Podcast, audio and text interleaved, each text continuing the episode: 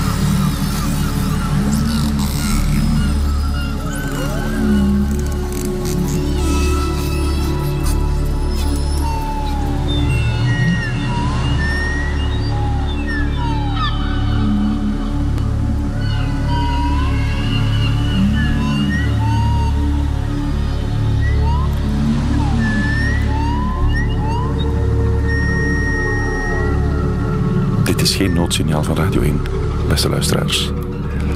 Dit is weet ik veel over walvissen vandaag.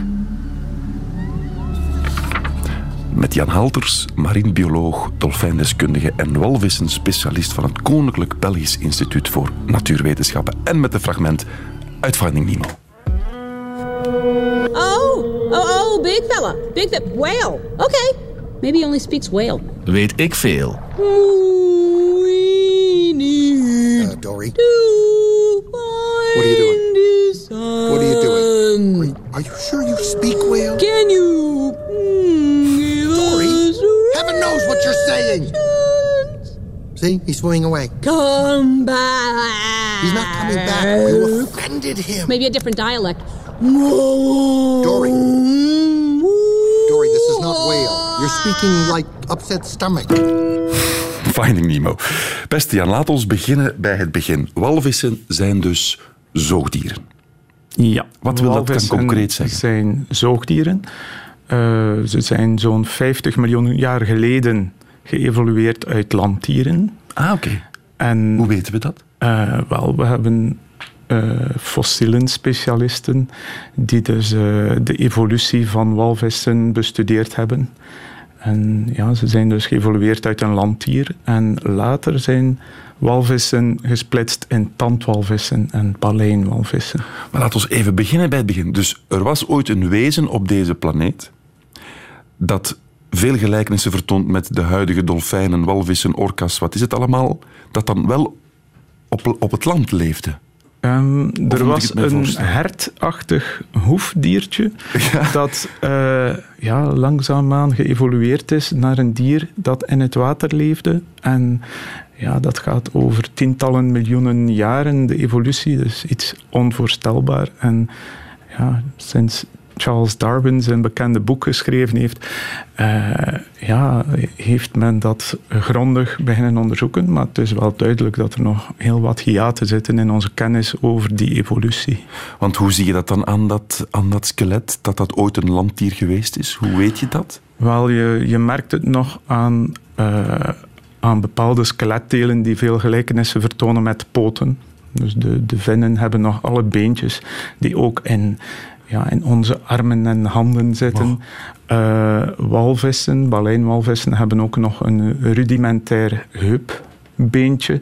Eh, dat is heel klein geworden. En eh, ja, als er een walvis op het strand ligt bij ons en we doen de autopsie, dan is het altijd wat een uitdaging om die heupbeenderen te vinden. Want die liggen los in het weefsel. Ze zijn nogal moeilijk te vinden. Dus is dat dan een soort achterpoot geweest? Ooit? dus Ah de heup, de, heup is dus eh, behouden, terwijl de achterpoten eigenlijk niet meer bestaan. Dus die he- heeft ergens achteraan een gewricht dat kan roteren. Eh, wel, het gewricht is weg, maar er zijn fossiele walvissen bekend, of de voorouders van walvissen, die inderdaad nog vier poten hadden. Ongelooflijk. Want zo'n beest, we, het, we zijn ermee begonnen, 170.000 kilogram, dat kan zichzelf toch nooit voortslepen op het land. Dus het is pas zo groot geworden in de zee, neem ik aan. Ja, het is inderdaad zo groot geworden in de zee en het kan inderdaad niet overleven op het land. Voilà. Als wij naast zo'n gestrande walvis staan en op het strand eh, dat hier leeft nog, ja, dan staan we ernaast en dan beseffen we onmiddellijk, je kunt hier niets meer doen. Dat dier wordt in het water ondersteund door het water en aan land eh, drukt het massieve lijf, dat enorme gewicht, drukt gewoon de organen samen en uiteindelijk sterft zo'n dier aan een eh, hartinfarct. Ja, want het kan gewoon ademen, hè. Ja, Het is een zoogdier, dus het heeft geen kieuwen. Het is wel degelijk een, een beest dat leeft van ik kom boven, ik neem een hap zuurstof en ik ga terug naar beneden. ja, dat is juist. Dus En, aan land zou dat perfect kunnen leven, maar het is het gewicht dat dan de doodsoorzaak is. eh, ja, het, het gewicht van die walvissen. Ik zeg niet dolfijnen die op het strand liggen, die kunnen dat wel een tijdje Ah, ja. uithouden. Maar eh, ze zijn volledig aangepast aan een leven in zee. Oké. En dan zeg je, er zijn twee soorten walvisachtigen. Wel, er zijn twee groepen. Eh, Je hebt de tandwalvissen, die hebben nog tanden. En je hebt ook de baleinwalvissen. En tot de baleinwalvissen behoren de grootste dieren op aarde. De blauwe vinvis, de gewone vinvis, de bultrug. En die zijn hun tanden in de evolutie kwijtgeraakt. En die zijn vervangen door baleinen. En dat zijn een soort keratine eh, aanhangsels. eh, Lange aanhangsels die in de, in de bovenkaak vastzitten. En die vormen een soort zeefapparaat. Dus als die een hap zeewater met voedsel nemen, dan duwen ze met hun gigantische tong het water naar buiten door die zeefplaten. En het eten blijft voedsel achter. Inderdaad. Keratine vergelijk dat is met iets dat ik ken. Onze nagels, de, neus, de, de hoorn van neushoorns, is allemaal keratine. Ah, oké. Dus is een stof die een beetje overal in de natuur voorkomt bij zoogdieren. Nochtans, die- die baleinen lijken mij veel flexibeler dan een, een, een tand van een neushoorn. Eh, het is niet de tand van een neushoorn, het is de hoorn. Ah, de hoorn, ja, oké. En eh, ja, dus die baleinen zijn ook niet zo dik. En eh, die zijn dus inderdaad wel heel flexibel. Ja, en dan de tandwalvissen, ja, dat spreekt voor zich. Dolf, die hebben echt gewoon een, een rij tanden. De meeste hebben tanden. Er zijn er ook een paar die geen tanden meer hebben en die hun voedsel binnenzuigen. Dus bij de tandwalvissen heb je ook exemplaren zonder tanden, om het simpel te houden. Inderdaad. Is zo'n blauwe vinvis, dan zijn we terug bij de balijn. Ja. Wat, want je zegt het al, die, die gaat water in zijn bek nemen en dan het water er terug uitduwen en het voedsel blijft achter. Hoeveel heeft dat beest nodig als je zelf zo'n 150, 170.000 kilo weegt? Oh, dat Wat dier, moet je dan eh, binnenkrijgen per dag? Dat dier, eh, ja, het grootste dier dat bestaat, voedt zich eigenlijk met hele kleine diertjes. Voedt zich vooral met kril en kleine visjes Ja. eh, die in scholen leven. Dus neemt een hele grote hap van zo'n school kril of visjes. En eh, ja, per dag eet zo'n dier gemakkelijk een paar duizend kilogram van die diertjes. Wow. En dus duizenden liter water dat continu door zijn bek gaan. En, en zeg je bek eigenlijk? Mond. Ja, ja muil. Muil. eh, ja, Muil. Van een paard zeg je mond, maar van een, eh, van een eh, walvis zeg je beter muil. Straks gaan we eens... eh, want u gaat altijd ter plekke als er iets aanspoelt. Hè? Als ik niet in het buitenland zit, dan kom ik ter plaatse. Daar gaan we straks over door. Ken je Free Willy nog? De film van de Ja. orka die gered wordt door het jonge jongetje. Ja. En de walvis ken ik ook. De orka is uiteindelijk in IJsland vrijgelaten. Vrijgelaten? Keiko, Die dacht is- ik, heet Ja, die is naar Noorwegen gezwommen. Die vrijlating heeft heel veel geld gekost op een moment dat een andere walvisachtige aan het uitsterven was. Oei. En ik herinner me dat ik hier 15 jaar geleden ook zat om te spreken over die walvisachtige die uitgestorven is. Niets vermoedend zwemt Keiko een laatste rondje in zijn ondertussen vertrouwde milieu. Een aquarium in het Amerikaanse Oregon. Bijna drie jaar lang kon Keiko hier op krachten komen en les nemen in visjes vangen. Kinderen en ook Hollywood zelf haalden centjes boven om hun lieveling uit de twee Free Willy films te redden. Zijn nieuwe thuis, een voetbalveld groot, is nog afgesloten om Keiko te helpen. Hij moet hier zelf elke dag 70 kilo voedsel vinden. Het is wachten op een happy end. Weet ik veel. Ja, dat was dus Keiko, de orka die Willy speelde in films. En u zei daarnet, Jan, van ja, maar eigenlijk was het niet zo heel kosher om zoveel geld aan één dier te geven, of wel? Wel, Of de vrijlating van de het één. orka eh, waartoe Keiko behoorde, want er zijn verschillende types orka, is absoluut geen bedreigde diersoort. Ah. Het is wat onzinnig om al die tientallen miljoenen dollars uit te geven om één exemplaar van een niet bedreigde soort te redden. Maar het was de posterboy van die, van die soort natuurlijk. Hè? Ja, maar toch op hetzelfde moment eh, was er in de Yangtze-rivier in China een dolfijnensoort die aan het uitsterven was. En waarvoor men geld zocht om die te proberen te redden. Hmm, Zelfs moesten die tientallen miljoenen dollars beschikbaar geweest zijn voor die Chinese dolfijn. Dan zou je het, het nog niet gehaald hebben. Maar toch, het is wat vreemd dat men prioriteiten geeft aan het vrijlaten en eh, de rehabilitatie van één exemplaar van een niet bedreigde soort, terwijl er wereldwijd veel andere dolfijnen en walvis, walvisachtigen bedreigd zijn en, en dat geld veel beter konden gebruiken. Nochtans is er zo geen walvissenjachtverbod. Op Ja. sommige soorten blauwe vinvis is toch beschermd, dacht ik, in de grootste. De, de blauwe vinvis is beschermd, maar natuurlijk de jacht is slechts één van de bedreigingen. Ah, oké. We hebben onderwaterlawaai, we hebben afval. Onderwaterlawaai. Ja, we hebben eh, steeds meer lawaai onder water. Eh, de scheepvaart veroorzaakt veel lawaai. Eh, En dat... het, het heien van palen voor offshore windparken veroorzaakt veel lawaai.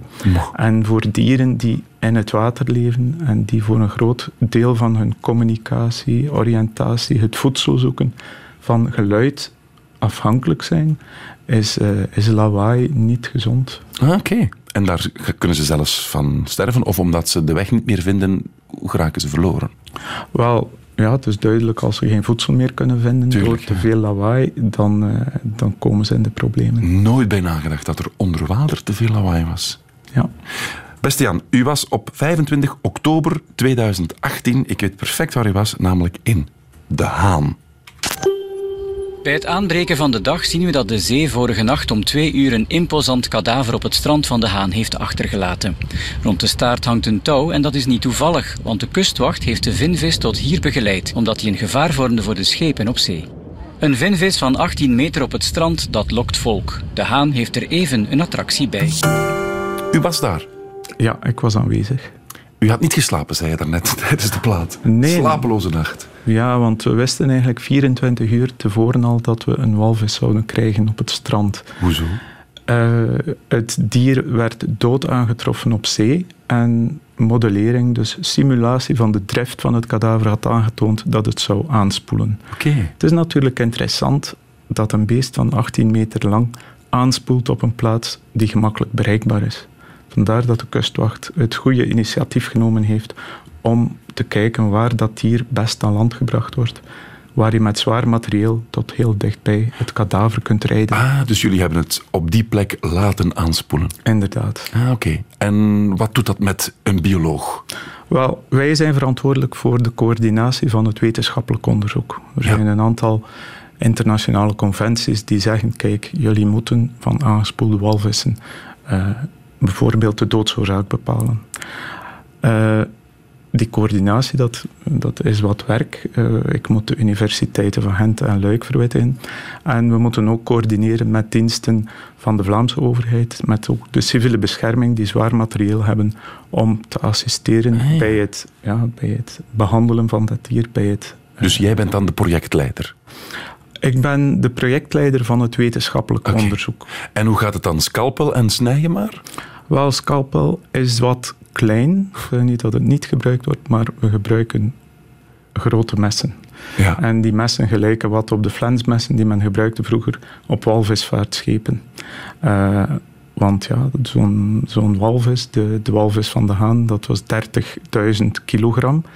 Eh, je moet dat zo snel mogelijk behandelen, want zo'n kadaver is zo groot en zo goed geïsoleerd tegen de koude, de koude van het zeewater, dat de ontbinding ook zeer snel gebeurt. En dan is er zelfs ontploffingsgevaar, als ik het goed heb. Ja, zeker, eh, zeker van potvissen. Dode potvissen hebben een zeer stevig omhulsel.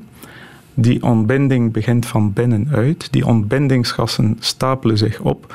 Dat wordt een enorme druk van binnen. En als je er dan een gat in maakt, dan kan dat inderdaad ontploffen. Je kan dat beest niet laten boeren. Je, dat, Want dat, lijkt is- me logisch dat dat dan... Ja, of een moet- wind laten, ik zeg maar iets. Ja, je moet er eigenlijk wel een gat in snijden. Ja. Of enkele gaten in snijden. Zodat die gassen kunnen eh, verdwijnen op een, op een zachte manier. Dat maar als je, dat dus, als je dat dus niet doet, dan is er echt... Dan komt er sowieso een explosie. Bij een potvis, die, die barst altijd open. En soms gebeurt dat wel met tamelijk wat geweld. En eh, als zo'n potvis op het strand ligt en zijn borstvin begint omhoog te komen, dan weet je dat die druk van binnen al zeer hoog wordt. Er bestaan op internet een aantal filmpjes van ontploffende potvissen. Geen aanrader om maar op dat moment dichtbij te staan. Z- Nee. En Oké, zeg je, dat is allemaal nieuw. Ehm, en dan, dus je gaat opensnijden. Ja. Wat, wat zien, ja, een, een, een maag, de grootte van een zwembad. wel, de maag is, is, is ja, eh, afhankelijk van al? wat daarin zit, is dat toch een, een zeer grote maag. En Ja. er kan heel wat inhoud in zitten. En hoe, hoe kun je daar dan de doodsoorzaak van bepalen? Wel, eh, grote walvissen zijn vaak het slachtoffer van aanvaringen. En als je een aanvaring hebt, dan heb je altijd wel wat eh, bloederige eh, resten in het vetweefsel, in het spek aan de bovenkant. Dus daar kun je zien dat het dier aangevaren is. Als een dier een heel dunne speklaag heeft, zoals het dier van de haan, dan moet je eerder kijken naar een natuurlijke doodsoorzaak, naar een, een ziekte. Maar kan je, kan je dat dan echt gaan bepalen? Wel, je zeggen van, ah, ja, de, de nieren zijn wat dit of de lever is wat dat? Er, er is heel wat onderzoek dat gebeurt, ook eh, microscopisch. De, de cellen van de weefsels worden onderzocht. Er wordt ook gekeken naar allerhande ziektes, virussen, bacteriën. Ah. We kijken ook naar de maaginhoud. Een lege maag is een indicatie voor een dier dat niet echt gezond was. En kan je ook zien, dit is een dik beest of een mager beest? Dan, ja, dat, dat, merk zie je direct. onmiddellijk en je merkt dat zelfs van de buitenkant. Ook van eh, een dolfijn die een ingevallen rug heeft. Dat is geen eh, gezonde dolfijn. Dus eh, Mhm. de rug moet echt bol zijn. En klopt het dan dat die maag vol plastic zakken zit tegenwoordig? Heb je dat zelf ook al gezien? We hebben dat één keer gezien bij een dwergvinvis die aangespoeld is in Nieuwpoort in 2013. Uh, die maag zat vol met plastic zakken. Toch? En dat dier is daar inderdaad aan overleden.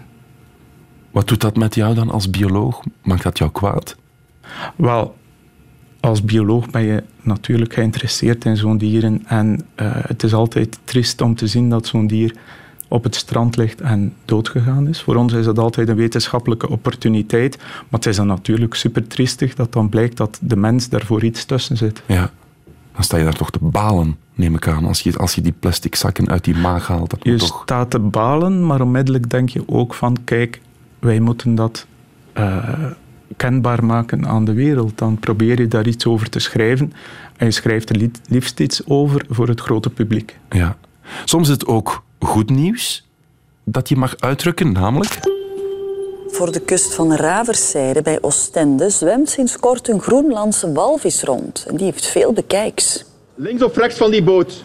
Het dier is normaal gezien alleen te vinden in de buurt van de Noordpool. Maar gistermiddag dook het voor de allereerste keer op hier in ons land. Mogelijk is de walvis al een tijdje op de dool. Hij werd al eens opgemerkt in Ierland, Engeland en Bretagne. Links of rechts van die boot? Weet ik veel.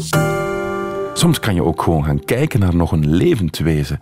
Klopt het dat er meer en meer soorten in onze wateren zwemmen die hier eigenlijk niet thuis horen? Wel, die Groenlandse walvis van Oostende-Raverzijde, dat was de eerste keer dat een Groenlandse walvis in de Noordzee gezien geweest is. Ja. Eén jaar ervoor hadden we een gestrande narwal. Dat is ook zo'n beest van de Noordpool. Wacht, daar hebben we ook, ook klank van. In Bornem is bij de Schelde een dode narwal aangespoeld. Dat is een bijzonder zeezoogdier. De mannetjes hebben een grote slagtand. Het is heel speciaal dat een narwal hier in België gevonden is, want eigenlijk leven de beestjes in het Noordpoolgebied. Hoe het dode dier hier terecht is gekomen, weten we nog niet. Een narwal, ik, ik ja, omschrijf het eens, Jan, voor de, voor de luisteraar, want ik zie hier wel een fotootje in mijn dossier staan. Mhm. Het is iets heel raars, hè? Ja, een narwal is een grote dolfijn. Zes meter lang kan die worden. Ja. Maar die heeft een tand, de linker, een linkertand in zijn bovenkaak, die uitgroeit tot een hele lange slagtand van wel uh, 2 meter, 2 meter 70 lang. Een soort eenhoorn is het, hè? Het is inderdaad de bron van de legende van de eenhoorn. In de middeleeuwen kwamen af en toe van die narwaltanden in het westen terecht, bij ons in Europa terecht. Die kwamen waarschijnlijk van Groenland of IJsland. En uh, dat was inderdaad de bron van de legendarische eenhoorn. Trouwens, een fragment uit Karabit was dat van 29 april 2016 en dan op 1 april die Groenlandse walvis Ja. in onze wateren. Verklaar dat eens. Hoe komen, hoe komen Dus- die, die, die, die wezens opeens Ja. op een plek waar ze eigenlijk niet thuis Dus horen? het is eigenlijk onverklaarbaar. En uh, voor die Groenlandse walvis was het ook geen zo mooi zicht, want dat dier zat verstrekt met zijn staart in visnetten. En onmiddellijk, ja, je, je kunt er een hoera-gevoel bij hebben, omdat je zo'n dier kunt zien bij ons. Dus nog nooit gebeurd. Maar als je wat nadenkt, dan kun je ook de link leggen met ja, wat gebeurt daar in de Noordpool? Het ijs is daar aan het smelten. En het is heel verleidelijk om uh, ja, die het opduiken van die twee Noordpoolsoorten, want ze horen hier absoluut niet thuis, in verband te brengen met het smeltende Noordpoolijs. Dus dat zijn een paar duizend kilometer van hier dat het ijs aan het smelten is en die beesten vluchten daar echt voor. Een soort migranten dan. Mm, het, is, het is natuurlijk niet te bewijzen omdat dat maar één keer gebeurt. Ja. Uh, ik heb er ooit iets over geschreven, geschreven over arctische klimaatvluchtelingen.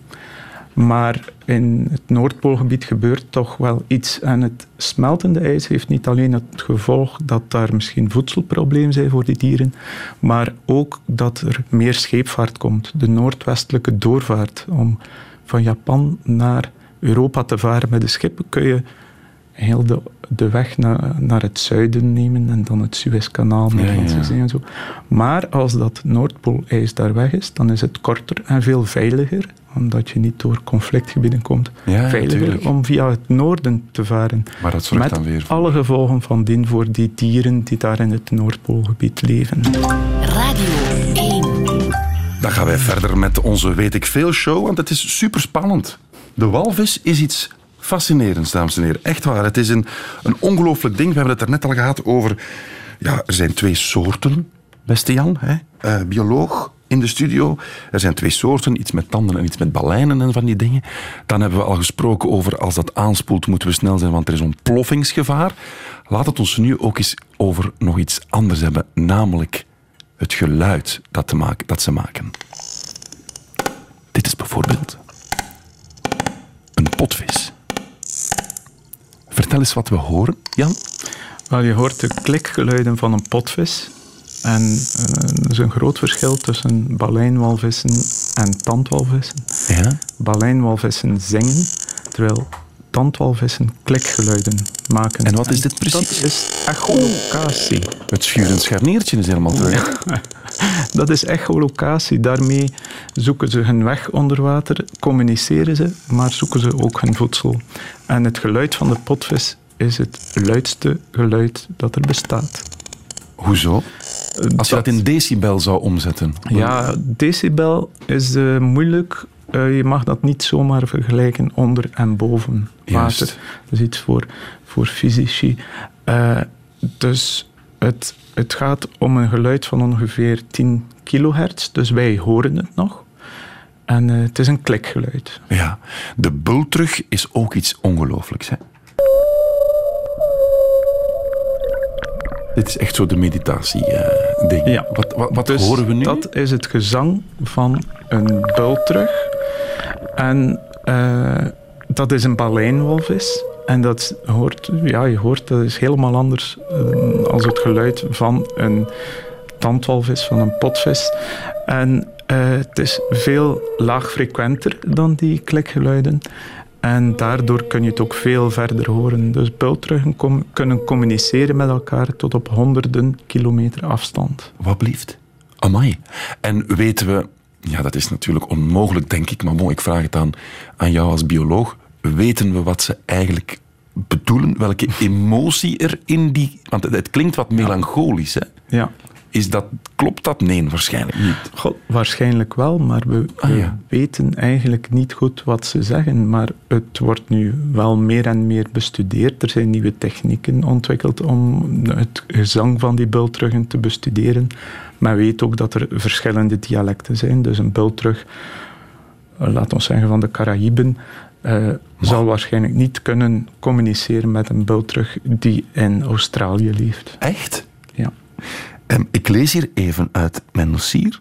Uit onderzoek bleek dat het lied van de Bultrug veel kenmerken heeft van een normale muziekcompositie en bestaat uit een geordende opeenvolging van basisthema's. Ja, men moet het ergens mee vergelijken en uh, men vergelijkt dat dan, dat dan met de muziek die wij maken, horen Ja. en schrijven. En zingt elke walvis altijd hetzelfde lied? Nee, dat Ook kan niet. elk jaar verschillen. Dus eh, het, is, het is een enorm repertoire dat ze hebben. Eh, het zijn ook intelligente dieren die eh, het geluidsorgaan, dus het eh, productie van geluid, het horen van geluid, is veel verder ontwikkeld dan ons, onze, ons gehoorsysteem. De Bultrug kan zijn lied, dat gewoonlijk 6 tot 35 minuten duurt, meestal meerdere keren achter elkaar horen en hier dagen aan een stuk mee doorgaan. Dat lijkt me dan vooral toch een soort paringsding. Het heeft ongetwijfeld Ja. met paring. eh, Als je zoveel moeite doet, dan wil je scoren. ja, dat is zo. Het lijkt me toch. Dan gaan we. Dit, ja, dit, dit kennen we natuurlijk. Hè. De sympathieke dolfijn, die het dan weer op een andere manier doet, die echt van dit soort dingen. Dit zijn ook klikgeluiden. Dit is net Ah, eigenlijk hetzelfde als het geluid van een potvis, Ah, ja. maar hoogfrequenter. Dus eh, En dit? dit, dit is misschien eh, ook 10, 15 kilohertz of wat hoger dan de potvis. Bruinvissen, dat zijn ook tandwalvissen die ook in onze wateren voorkomen, doen het nog veel hoger. Die communiceren en die maken geluid op 140 kilohertz. Dat kunnen wij absoluut niet meer horen. En is elk, eh, elk geluid individueel? Kunnen ze elkaar herkennen als zijn... Ah, dat is nu, ik zeg maar iets, de Jos die aan het praten is? Waarschijnlijk wel. Waarschijnlijk wel. Ja. Dus ze herkennen elkaar. Tuimelaars, van tuimelaars kun je dat inderdaad wel verwachten, omdat die in familiegroepen leven. Bruinvissen veel minder. Bruinvissen kom je heel vaak alleen tegen of met twee. die, die kennen elkaar misschien niet zo goed, maar tuimelaars en orka's die in familiegroepen leven, ik ben ervan overtuigd dat die elkaar een naam geven. Orka's, zeg je? Dit zijn orka's. Mooi. Wauw. Komt dat geluid via de muil of komt dat langs het, het, het gaatje bovenaan? Hoe, hoe, hoe maken ze dat geluid? Die, die, dat geluid maken ze via hun blaasgat, maar ook doorheen de meloen. Dus de meloen is hun grote voorhoofd. Dus orka's hebben een zeer groot voorhoofd. Dat heeft te maken met geluidsproductie. En voor dieren die in het water leven zijn oren niet zo handig omdat die weerstand veroorzaken in het water. De oren zijn ze kwijtgeraakt doorheen de evolutie. En ze horen nu uh, via hun onderkaak. In de onderkaak zit speciaal vetweefsel, akoestisch vet. En het geluid komt via de onderkaak binnen. Wauw. En als ik het goed heb, hebben ze ook een soort sonar, toch ook? Hè? Ja, dat is dus inderdaad de, de sonar. Dat is het uh, systeem waarbij ze geluid produceren en uh, het teruggekaatste geluid bevat informatie over de omgeving, over prooien. Ze kunnen dus zelfs doorheen de bodem kijken om bijvoorbeeld visjes die net onder het zand liggen uh, op te sporen. Dus ze gebruiken geluid om, uh, uiteraard voor communicatiedoeleinden, maar dus ook om zich te oriënteren en ook nog eens voor de jacht om prooien te vinden. Ja. Sommige dolfijnen leven in water dat zeer modderig is zoals in de Amazone. Die dolfijnen zijn bijna blind. Het heeft ook geen zin om ogen te hebben. En die zoeken alles. Die kunnen hun omgeving gewoon visualiseren doorheen geluid. Set against the seemingly cheerful background of SeaWorld's Orca show in San Diego, the video from 2006 is chilling. Ken Peters, an experienced trainer, is swimming with a 5,000 pound female named Kasatka, an animal he's worked with for years. With no apparent warning, the killer whale grabs his feet and pulls him underwater for close to a minute. Then it brings him to the surface where the trainer pets the whale, tries to calm it, only to be yanked down again. It's a horrifying event to watch. Ja, een, uh, een bericht op CNN. De killer whale zo noemen ze de orca in het, uh, in het uh, Amerikaans-Engels. Zijn die dieren gemaakt? Uiteraard niet, beste Jan, bioloog, um, om in gevangenschap te leven. Nee, nee, lijkt mij. Orcas staan inderdaad sterk ter discussie en ook andere walvisachtigen, zoals de tuimelaar. De tuimelaar is een ja. dier dat waarschijnlijk wat geschikter is voor gevangenschap, omdat hij ook veel kleiner is. Uh, maar het is duidelijk, die orka die ook al tientallen jaren in gevangenschap gehouden wordt, uh, die is toch niet echt geschikt. Die is veel te groot. En uh, men heeft inderdaad een aantal keren een ongeval gehad met een orka die een trainer aangevallen heeft en zelfs gedood heeft. Ja. Verklaar dat eens van het biologisch oogpunt. Is, flipt dat dier dan? Wat gebeurt daar precies? Orka's zijn zeer sociale dieren. Die zijn gewoon om in familiegroepen te leven. En uh, als zo'n orka in een heel klein bassin gehouden wordt, weg van zijn familie, mm -hmm. dat dier wordt weggerukt, dat zijn dieren die getraumatiseerd zijn. Ja. En dus zeer impulsief kunnen reageren op bepaalde prikkels. Want in het bericht hoorde je ook, het was een, een trainer die al jaren met dat dier omging, dacht dat er toch een soort vriendschapsband was. Ik zie je nu al kijken van, ja, ja vriendschapsband onmogelijk. Het, het, het blijven het blijven wilde dieren, het blijven gevaarlijke dieren. Uh, vroeger ging men ook bij gorilla's in de zoo, de trainer ging er ook bij, omdat men er ook van uitgaat dat die dieren zo gewoon zijn aan de mens dat die niet meer gevaarlijk zijn. Ja. Uh, maar er zijn ongevallen, ook met olifanten en zo. Dus het blijven dieren uh, waar je voorzichtig mee moet zijn. Ja. Mag ik je een paar weetjes voorleggen, want er komen wat vragen binnen van luisteraars. Bijvoorbeeld Joris de Keersmaker vraagt zich af waar en hoe slapen walvissen en dolfijnen? Jan, vertel. Wel, dolfijnen en walvissen slapen eigenlijk met één hersenhelft. Uh, die slapen met één hersenhelft. De andere blijft wakker om naar boven te komen, om te ademen en toch een klein beetje prikkels uit de omgeving toch nog te ontvangen. Omdat er altijd mogelijkheid is dat er predatoren in de omgeving zijn. Dus wacht, die hebben ook twee hersenhelften zoals wij. En die kunnen één van de twee uitschakelen. Ja, ze zijn dus alert met één hersenhelft nog en de andere wordt wat minder alert. En dat is hun slaap. En wisselen ze dan links en rechts af? Ja, inderdaad. En zijn ze een pak minder alert of zijn ze ook, zoals wij, echt in een soort ze zijn in afwezige een soort, af, staat? Af, een soort roes. Ze, zijn, ze zwemmen heel langzaam uh, aan de oppervlakte of potvissen hangen gewoon verticaal in het water en Och. komen af en toe eens boven om te ademen.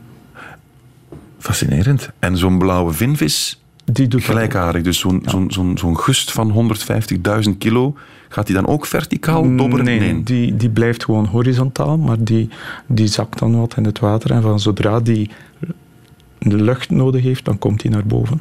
Klopt het dan nog een andere vraag, dat zo'n een potvis um, twee uur onder water kan blijven? Ja, dat klopt. Dus uh, dolfijnen, bepaalde dolfijnen kunnen uh, twee uur onder water blijven, waaronder de potvis, maar ook de spitsnuitdolfijnen. Dat is een minder gekende groep dolfijnen, omdat die enkel voorkomen bij diep water, meestal ver uit de kust.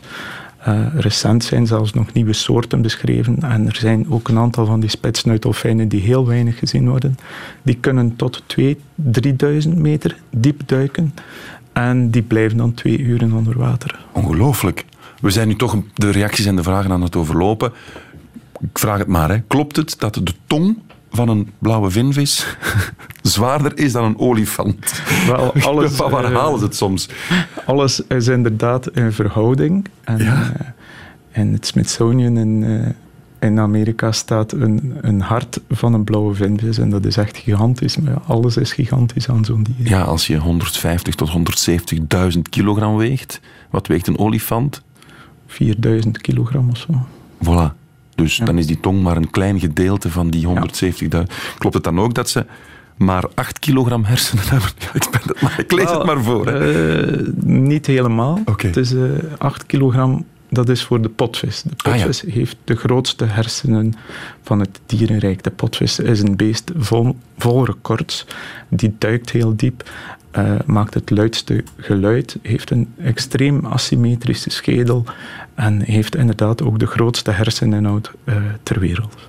En we, met uh, de potvissendarmen, daar vinden we amber in. Klopt ja. dat? Ja, dat is een, een stof die in de ingewanden gevormd wordt ter bescherming van de ingewanden tegen de scherpe bekken van inktvissen. Een inktvis heeft een scherpe bek. En dat zorgt voor irritatie en er wordt een stof afgescheiden in de ingewanden. Amber. En dat is amber, ambergris. En dat is een basisproduct voor de parfumindustrie. Ja. Dat kost heel veel geld. Dus wat wij op ons lichaam spuiten en heel veel geld voor betalen, is iets wat de walvis in zijn darmen produceert om zich te beschermen tegen de octopus. Ja, niet elke potvis heeft ambergris en niet elk parfum heeft ambergris. Oké. Okay. Um, drie ton bloed, kan dat, een potvis? Ja, dat is, het. dat is zeer goed mogelijk. En dan nog Bob Leijs in de app. Ik vraag me af waarom een orka in kruiswoordraadpuzzels als zwaardwalvis omschreven wordt. Ja, dat is een van de namen. Hè. Dus de killer whale, inderdaad, dat is een, een ooit een Baskische naam die gegeven werd, die vertaald werd naar het Engels, omdat bepaalde types orka uh, walvissen eten. En hmm. de Baskische walvisvaarders werden geconfronteerd met die orka, met de killer whale, en, uh, tijdens hun jacht. Okay. En uh, de zwaardwalvis, uh, de, de naam is waarschijnlijk afkomstig door de zeer hoge rugvin bij mannetjes die er wat uitziet als een zwaard die wel twee meter hoog kan worden. Mooi zo. Bijzonder interessant. Het is uh, jammer genoeg tijd om stil aan dit meditatief uurtje, weet ik veel, over de walvis af te ronden. Daarom, uh, Jan, het wordt u nu aangereikt, het examen. Heb ik goed geluisterd naar vriend Jan, de bioloog. Jan, shoot. Wat verstoort de walvis in zijn zoektocht naar eten? Oei. Uh, ik moet het antwoord schuldig blijven. Ah ja, zijn. Ja, je doet teken, maar ik snap het Lawaai. Ja. Tju, vraag 2. Wat is een narwal? Een narwal is een uh, soort dolfijn, zo de eenhoorn van de zee. Klopt juist, juist, juist. Yes. Welke walvis maakt klikgeluiden? De de balijn, tand, tandwalvis, ja. Tandwalvis. Ja, voilà, het is goed, het is goed. Tot op hoeveel kilometer kunnen bultruggen met elkaar communiceren? Uh, honderden. Juist. Dat is heel ruim, maar toch, hè? Ja. Nog één vraag? Hoe horen orka's? Uh, met hun onderkaak. Met een soort vetlaag in de onderkaak. Perfect. Godverdikke, zeg 4 op 5 vandaag. Leuk. Jan Halters, dolfijndeskundige en walvissenspecialist. Zeer bedankt. Morgen gaat het weer over iets helemaal anders. Radio 1. Weet ik veel? Dit is het einde van deze podcast van Weet ik veel. Weet ik veel is trouwens een programma van Radio 1. Op radio1.be vindt u nog veel meer.